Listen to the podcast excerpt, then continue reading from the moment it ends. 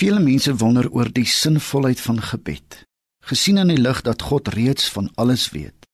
Waarom nog bid? Veral as Paulus sê bid sonder ophou in 1 Tessalonisense 5 vanaf vers 17. Gekwalifiseerd kan ons sê dat God reeds alles uitgewerk het, maar veronderstel niemand sal meer na vandag bid nie met ons in gedagte hou dat vele dinge kan gebeur wat nie God se wil was nie. Dan is my en jou tekortkoming se oorsaak biddeloosheid. In Openbaring 5 vanaf vers 8 lees ons dat gelowiges se gebede vir God soos waardevolle reukwerk is. En hierdie gebede word in siters en goue skale opgevang. Ons elkeen weet dat reukwater vandag baie duur is. Voor God dra my en jou gebede gewig. In die hemel kan selfs die serafs en die engele nie iets produseer wat so kosbaar en spesiaal is as ons gebede nie. In Jesus sien ons die grootste bidder van alle tye. As gebed vir hom belangrik was, dan hoeveel meer vir ons. Hy het nagte in gebed deurgebring. Elkeen wat tot God bid, se gebed is vir God kosbaar. Al het God 'n raadsplan en 'n heilsplan, besef ons dat alles wat in die lewe gebeur nie deur hom beplan word nie. Hy het nie beplan dat mense moet sondig nie. Hy is nie die outeur van sonde nie. Hy het nie die sondeval beplan nie.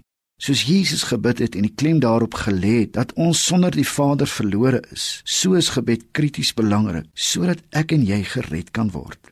Want gebed voorsien bo-natuurlike krag en uitkoms. Jakobus 5:16 noem: "Die vurige gebed van die regverdige het groot krag." Dit beteken dat my en jou gebede 'n gewellige verskil maak. God wil vir jou wat sy kind is sê, jou opinie maak vir my saak. Deur gebed kan jy jou begeertes en smeekinge vir God bekend maak. Ons kan saam met God die gang van sake hier op aarde bepaal. Dis 'n verskriklike groot voorreg. Op verskeie plekke lees ons in die Bybel hoe God besluit het om mense te straf, maar elke keer wanneer sy volk, sy mense ingetree het, het God na daardie gebeure geluister en afgewyk van sy plan om mense te straf. Gebed verander dus sake.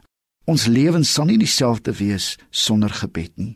Jou gebede tel so baie vir God dat hy selfs bereid was om sy plan te wysig. Jou toekoms is dus nie net in die hande van die land se regerders nie, maar ook in die hand van God se kinders. Daarom sê Jesus: "Julle is die sout en lig van die wêreld." Kom ons leer uit hierdie aandgedagte uit dat ons moet bid.